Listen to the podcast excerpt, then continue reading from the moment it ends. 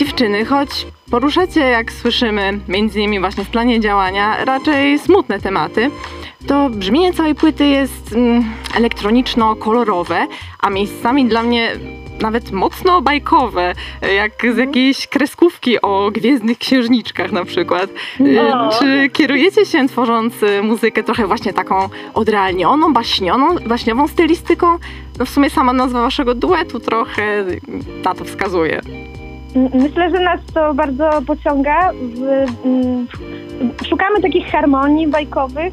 To, to powoduje u nas e, ciarki na rękach i na ciele. E, I, I jak komponuj- komponujemy piosenki, to właśnie szukamy takich, takich brzmień. Mhm, takich współbrzmień. E, No ja myślę, że taka tajemniczość nam towarzyszy w ogóle od początku zespołu i mimo, że teraz gramy na zupełnie in, in, innych instrumentach, to e, wciąż tego szukamy w muzyce, właśnie takiej bajkowości i tajemniczości. Czyli jest jednak w was jakaś e, nostalgia za dzieciństwem chociażby, z właśnie tymi wszystkimi baśniowymi historiami. No na pewno, tak. No na pewno jest to jak cecha stylu naszego zespołu. Tak, dosyć e, charakterystyczna. No i to widać też w całej e, oprawie wizualnej Enchanted Hunters, bo teledyski macie naprawdę dopracowane i e, takie właśnie odrealnione, jak nie z tego świata. E, czy myślicie o tym, żeby właśnie mm, jeszcze bardziej rozszerzać tę stronę wizualną waszego duetu?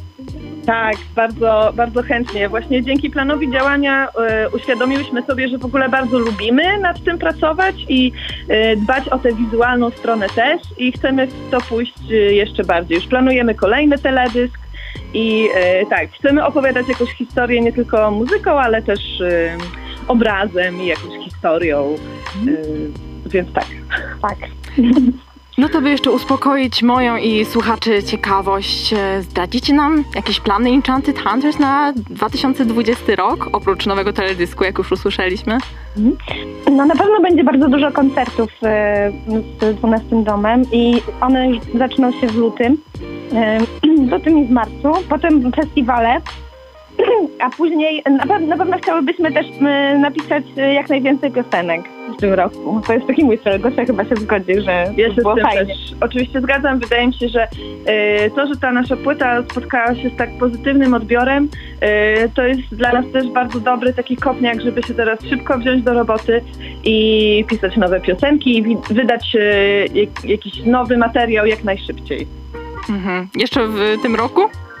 A to nie, wiadomo- nie jeszcze za wcześnie chyba, żeby cokolwiek mówić, kiedy.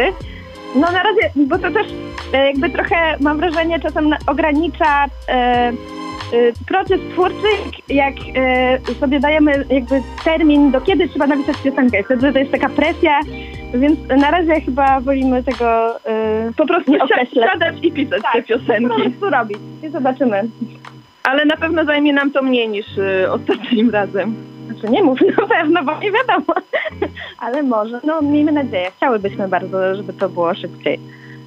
No to siadajcie, pisaj, piszcie, włączcie te fale teta, o których wspominałyście na współczynniku i dalej sprawiajcie nam przyjemność, a my uzbrajamy się w cierpliwość i czekamy na kolejne części bajki ze świata Enchanted Hunters.